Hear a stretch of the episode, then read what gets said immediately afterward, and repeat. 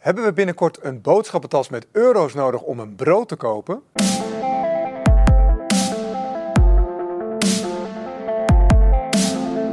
Welkom bij Wereldnieuws. Mijn naam is Nico Sloot en naast mij zit Twan Hoebe, onderzoeksjournalist en strateeg, bedrijfsstrateeg. En eh, wij kijken naar de mondiale ontwikkelingen en wat betekent dat voor ons huishouden en natuurlijk voor onze portemonnee. Vandaag gaan we het hebben over de oorzaak van de inflatie. Twan, ik denk dat, dat daar veel over te zeggen is, hè, de inflatie. Uh, ik heb eigenlijk meteen een vraag daarbij. Uh, wanneer is de inflatie eigenlijk begonnen?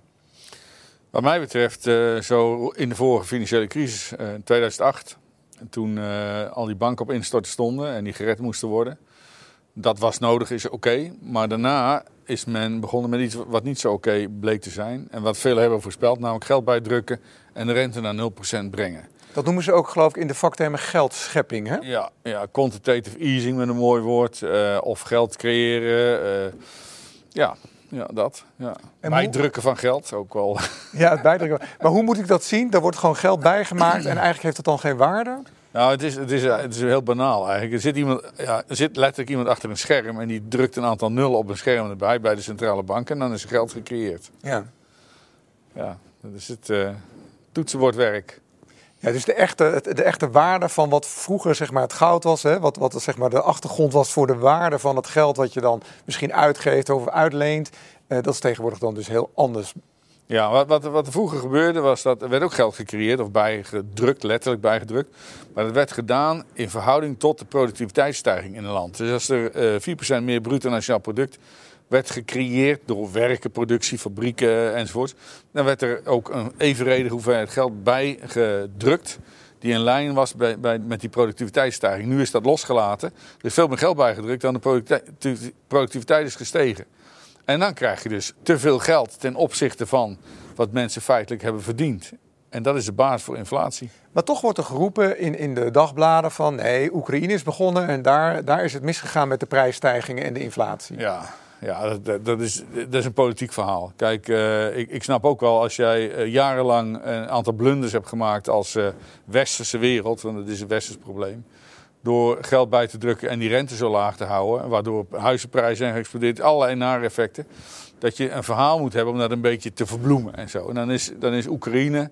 Oekraïne heeft wel zeker een, een effect gehad. Maar dat is niet de oorzaak, dat is niet de basis. De basis zit hem echt in die geldcreatie door die centrale banken. Ja, ik moet zeggen dat ik met mijn eigen bedrijf ook gemerkt heb dat het ver voor Oekraïne was. Eigenlijk toen de lockdowns begonnen, dat, dat inderdaad dat verhaal met de geldschepping. Toen merkte ik ineens dat er allerlei prijzen omhoog gingen. Containerprijzen, grondstoffenprijzen. Ik moet zeggen, in de afgelopen 30 jaar dat ik onderneem, heb ik dit nog nooit meegemaakt. Ik heb nog nooit zulke prijsstijgingen meegemaakt. Um, kan je daar iets meer over vertellen, over hoe, hoe dat dan zit met die inflatie op dit moment? Ja, wat, wat ik al zei, de basis is wat mij betreft die geldcreatie. Maar daarna zijn nog een aantal andere effecten gekomen die ook die inflatie op hebben gedreven. Een hele belangrijke daarvan zijn die lockdowns eh, geweest die we kennen.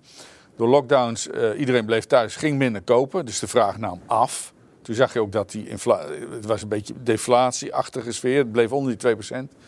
Op het moment dat mensen weer naar buiten kunnen, ze kunnen weer geld verdienen, ze kunnen weer naar een winkel, uh, dan gaat die vraag omhoog. En omdat die vraag omhoog gaat in verhouding tot het aanbod, stijgen de prijzen. Dus geldcreatie is eentje. Lockdowns, toen die opgegeven werden, iedereen kon weer naar buiten, kon weer gaan kopen. Ging die ook omhoog, die inflatie? Dat, dat heb jij waarschijnlijk met je bedrijf gemerkt. Hè? Want uh, waar jij op, op, op, wijst, het heeft, heeft, heeft zich afgespeeld voordat die Oekraïne-oorlog begon. Al in 2021 vermoed ik. Toen zag je al dat de inflatie boven de 2% uitging. En eentje erboven. Sommige landen boven de 3%. Dus Oekraïne is niet de oorzaak. Dat is wel een bijkomende factor geweest. Ja. En wat ik nu zie, hè, tenminste bij ons in het bedrijf, en heb je eigenlijk in eerste instantie heb je al die grondstoffen gehad. Hè, dus dat uh, waren ook de containerschepen, die, zijn van, uh, die gingen van 2000 dollar naar 18.000 dollar uit China. Mm -hmm. Ik heb ervaring uit uh, India, dat soort landen, dat ze ook rond de 15.000 dollar waren. Maar we hadden daar, daar ook natuurlijk nog eens keer de energiekosten hè, door Oekraïne. Hè, dus de, de, onze gasleveranties niet, niet, die we niet kregen. Uh, en uiteindelijk zie ik dan nu ook dat daardoor weer de loonkosten omhoog moeten. En daar en omdat we dan zoveel schulden maken, moet dat weer vergoed worden met belastingen. Die komen er dan ook weer nog weer bij. Ja, wordt een beetje complex, vind je niet? Ja, maar het is ook zoveel achter elkaar hè, dat Ja. de inflatie oploopt. Ja, ja, ja, ja nee, is ook zo. Eh, nogmaals, eh, de eerste twee stappen hebben we net, uit, hebben we net besproken. Hè? Die eh, bijdrukken plus eh, lockdowns. Die kan, containers trouwens. Op het moment dat er lockdowns waren, werd er heel weinig getransporteerd over zee.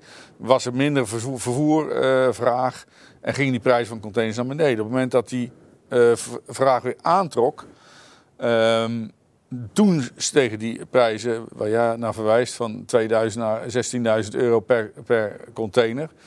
Eh, vanuit China vooral. eh, omdat er opeens een enorme vraagexplosie was naar het eh, zeetransport. Ja. Maar dat is dus ook een. een want, op het moment dat je eh, transportkosten omhoog gaan, dan dan betaal je ook meer voor het voedsel wat uit het buitenland komt en via zee gaat. Ja.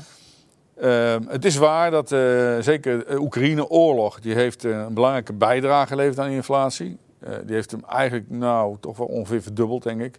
Dus de inflatie die wij nu hebben, afgelopen maand was die 7,6% in Nederland in januari. Daar schijnt de helft van te danken te zijn of te wijten te zijn aan die Oekraïne-oorlog. En de andere helft, dus ongeveer 3,4%, aan de factoren die we net hebben besproken. Intussen merken wij dat natuurlijk heel erg in onze portemonnee. Hè? Want daardoor gaan eigenlijk, als je, als je gewoon kijkt naar je huishouden, gaan al je prijzen omhoog. Zowel eh, energie, maar ook je voedsel, eigenlijk je transport, alles wat je doet, ook vanuit je huishouden, je zorglast, alles gaat omhoog. En toch eh, wordt er dan nu in de nieuwsbladen, zie je ineens berichten van ja, we hebben weer economische groei. Maar is dat nou economische groei of is dat al die prijsstijging? Of hoe, moeten we dat zien dan? Eh, Die dingen worden door elkaar gehaald. Eh, daar zou je soms van denken dat wordt moedwillig gedaan, want het is een soort, ja, een soort eh, smoke screen, zeggen ze het in het Engels. Hè. Dus eh, een soort mist trek je op om te verbloemen dat het eigenlijk minder goed gaat met de economie als dat men graag doet geloven. Inderdaad, ja. Ja. Dus dan zou je eigenlijk zeggen, de reële economie is wat anders dan al die prijsstijgingen. Want we hebben natuurlijk twee jaar lang alleen maar prijsstijgingen gehad. En ik weet uit ervaring van 20 tot 30 procent. Ja, als je het dan nu hebt over een klein beetje groei, dan moet je dat toch eigenlijk met elkaar verrekenen, of niet? Ja, zeker. Op het moment dat je ziet dat, eh, dat er eh 6% meer omzet is eh, in de detailhandel, dat lees je wel eens een keer, maar je weet dat de prijzen 7% zijn gestegen, dan is het dus de facto 1% eh, Ja, afname. afname, ja. Maar dat, dat wordt niet gedeeld. Dus er wordt gedeeld van, nou, de prijzen van detailhandel, zo, nee, de omzet is zoveel gestegen. Als je naar CBS nieuwsberichten kijkt, die zijn daar redelijk netjes in, moet ik zeggen. Die vermelden er wel bij dat eh, hoeveel procent van die omzetstijging te danken is aan eh prijsstijging door inflatie. ja, ja, Dat, precies. wordt- dat gebeurt wel. Ja. Ja. Als je nou kijkt naar ehm, de prijsstijgingen en, en ook kijkt bijvoorbeeld naar alle eh crisissen die er zijn. En je kijkt dan eigenlijk ook naar de multinationals die daar ontzettend veel winsten aan hebben. Want je ziet enorme winsten. We hebben laatst Shell gehad, maar zo, zo zijn ze allemaal de energie. Zelfs de banken verdienen heel veel geld. Hoe moeten we dat plaatsen, Twan? Al die woekerwinsten, terwijl er aan de andere kant inflatie is. Wij als burgers moeten meer schulden betalen. De ondernemers moeten meer betalen. Die schuldenlast gaat omhoog. En aan de andere kant zie je die enorme woekerwinsten. Mhm. Ja. Nou ja, je noemde Shell, dat, dat klopt, dat is in het nieuws geweest. Hè. De- Die eh, winsten zijn behoorlijk geëxplodeerd. Dat heeft ook te maken met het feit dat die prijzen voor olie en gas omhoog zijn gegaan door deze hele geopolitieke narigheid waar we in zitten. Dus eh, de, de marge op één vat olie en op wat er is geproduceerd met dat vat olie aan benzine, die is omhoog. Ehm, en dat, ja, dat leidt tot grotere winsten. Maar je ziet het ook bij voedingsmiddelenbedrijven zoals Unilever. Die hebben, dat, heeft ook, eh, dat, dat haalt aan het grote nieuws helaas niet. Maar die hebben hun prijzen verhoogd omdat ze wisten er is inflatie. Dus als wij nu een prijs gaan verhogen, valt het eigenlijk wat minder op. De bruto marge is verhoogd. Er is onderzoek gedaan door, eh, ik ben de naam van de man even kwijt, maar ik kan het opzoeken. Eh, naar de bruto margestijging van Unilever producten. En het blijkt zo te zijn dat de inkoopprijs die Unilever betaalt minder hard zijn gestegen dan de verkoopprijs die zij berekenen. En als je dat gat daartussen bekijkt, dat is de bruto marge, die is toegenomen door inflatie. Niet omdat er inflatie is, maar dat Unilever en andere bedrijven hebben gedacht, nou, het valt niet zo op als wij onze prijs nog een beetje meer verhogen dan die inflatie. Ja. Dat is wat je ziet. En eh, kijk, aan de ene kant zie je dan dat die inflatie, hè, met name als wij kijken naar onze hypotheek, et cetera, dus dat die rente alsmaar omhoog gaat, dat we, dus, hè, dat we eigenlijk duurder uit zijn. En aan de andere kant wordt er ook weer geroepen van ja, maar de schulden gaan door de inflatie naar beneden. Terwijl aan de andere kant de staatsschulden ook weer oplopen. Hoe moeten we dat duiden, Twan? Ja, eh, een beetje, eh, we proberen appels met peren te vergelijken. Uh, de rente moet omhoog om die inflatie weer te drukken. Dus dat is één ding. Maar rente heeft ook, hoge rente heeft ook alweer een prijsverhogend effect. Dus het is een beetje dubbelop. Als je de rente niet verhoogt, neemt de vraag niet af. En als de vraag niet afneemt, gaat die inflatie niet naar beneden. Dus de rente moet omhoog.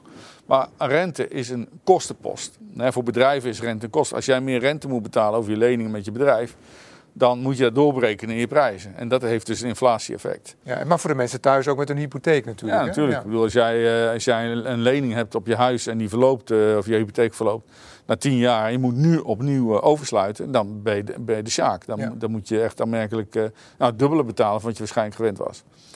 Dus ook dat heeft een, een prijsophoogend effect, waardoor jouw besteedbaar inkomen als huiseigenaar afneemt. Ja.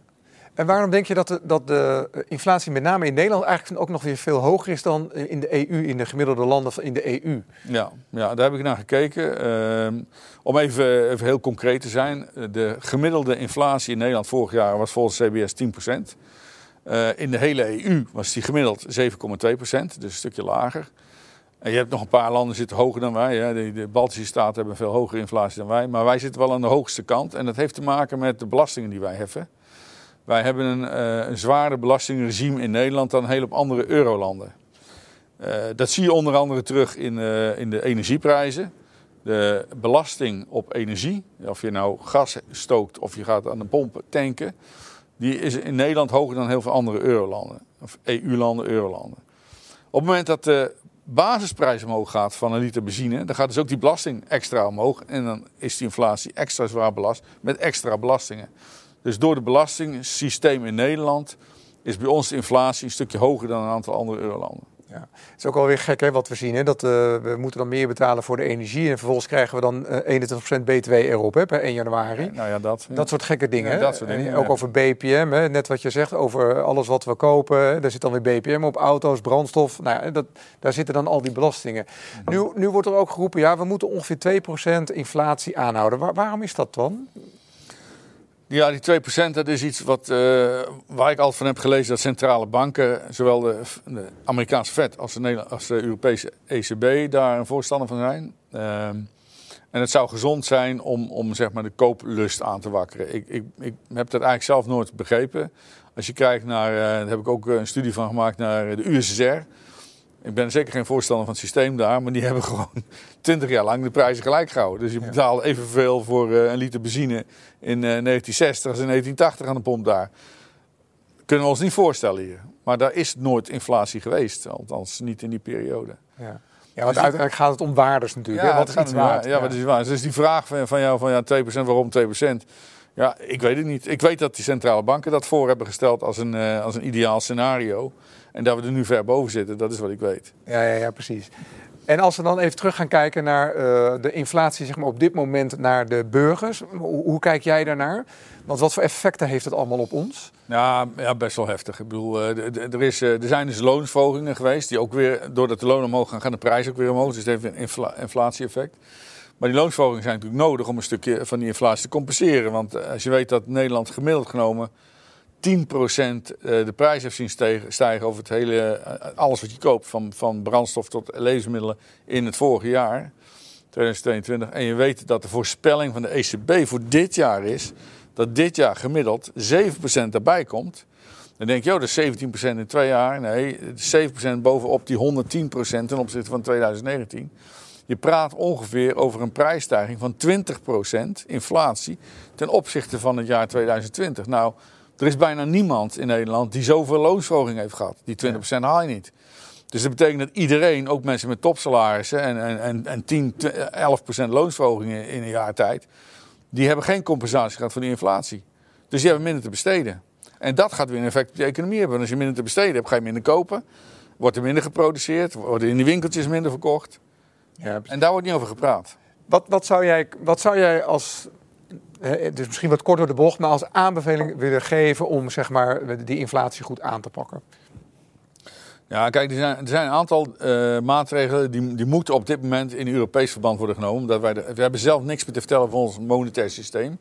We hebben weliswaar een eigen centrale bank, maar die heeft niks meer te zeggen over rente en over de waarde van ons geld. Dus die ECB die moet met die rente omhoog. Dus je zegt ja, maar dat is niet fijn, want dan moet ik meer gaan betalen aan mijn hypotheek enzovoort. Dat is ook zo. Maar als ze dat niet doen, komt die inflatie niet naar beneden. En nu is het zo dat in het verleden de inflatie, als die uh, 6% was, dan moest de rente boven de inflatie worden gezet. In de jaren 70 zag je dat ook. Uh, hebben we ook een inflatie gehad van uh, 13% ongeveer. En, en, en zijn banken zijn boven de 13% rente gaan uitkeren. Als je dat nu doet, krijg je natuurlijk een rampzalige economische effecten. Maar die rente moet opgehoogd worden. En meer dan er op dit moment gebeurt uh, door de ECB. Die staat nu op 2,5%. Ze moeten minstens naar 4%. Dat zijn ze van plan uh, voor de zomer om dat te gaan doen. Maar daar kan nog eens een keer niet bij moeten blijven. Om die inflatie weer te drukken. Dus we gaan een periode tegemoet van een lager besteedbaar inkomen. Door rentestijgingen. Om die inflatie te drukken. Maar doen we dat niet dan loopt het uit de hand. En dan krijg je de vraag van het begin van jouw opening van dit verhaal. Moet er straks een, een hele vrachtwagen of een kruiwagen met bankbiljetten meenemen om brood te kopen? Ja. Dat wil niemand. Ja. En als jij, durf je daar een voorspelling over te doen hoe lang dit nog gaat aanduren? Is, is daar iets over te zeggen, Twan? Nou, ik ga me nu even beroepen op wat ik heb gelezen. Of, waar, ik, ik was uh, aanwezig bij een uh, webinar van uh, de Economist Intelligence Unit, heet dat dan. Uh, Economist is, best wel een maatgevend, toonaangevend economisch blad in, uh, in Europa en in uh, de wereld. Die zeggen, heel concreet, die zeggen, die inflatie die wij nu hebben, die duurt nog tot 2025. Dan gaan de stapjes naar beneden als we die rente blijven verhogen. Van de 7% die nu wordt voorspeld in de eurozone voor dit jaar naar 4% volgend jaar. En als we geluk hebben, naar rond 2% weer uh, in 2025. 2025. Ja, ja. Dus ja, dat, dat, dat is wat ik dan ook zeg. Want uh, ik, ik, zal me niet, uh, ik heb niet arrogantie om te zeggen dat ik het beter weet dan een blad als Economist. Die stel economen daarnaar hebben laten kijken. Ja. Oké, okay, nou Twan, uh, ja, dat is misschien nog niet zo'n heel mooi vooruitzicht, maar wel belangrijk denk ik voor mensen om te weten. En voor ondernemers denk ik ook. Mensen, bedankt voor het kijken weer. Dit was Wereldnieuws. Uh, laat ons graag in de comments weten wat jij, wat jij hier leuk aan vond en wat je ook graag besproken wilt hebben. Twan, jij natuurlijk ook weer bedankt voor, voor dit goede verhaal over inflatie. Graag gedaan.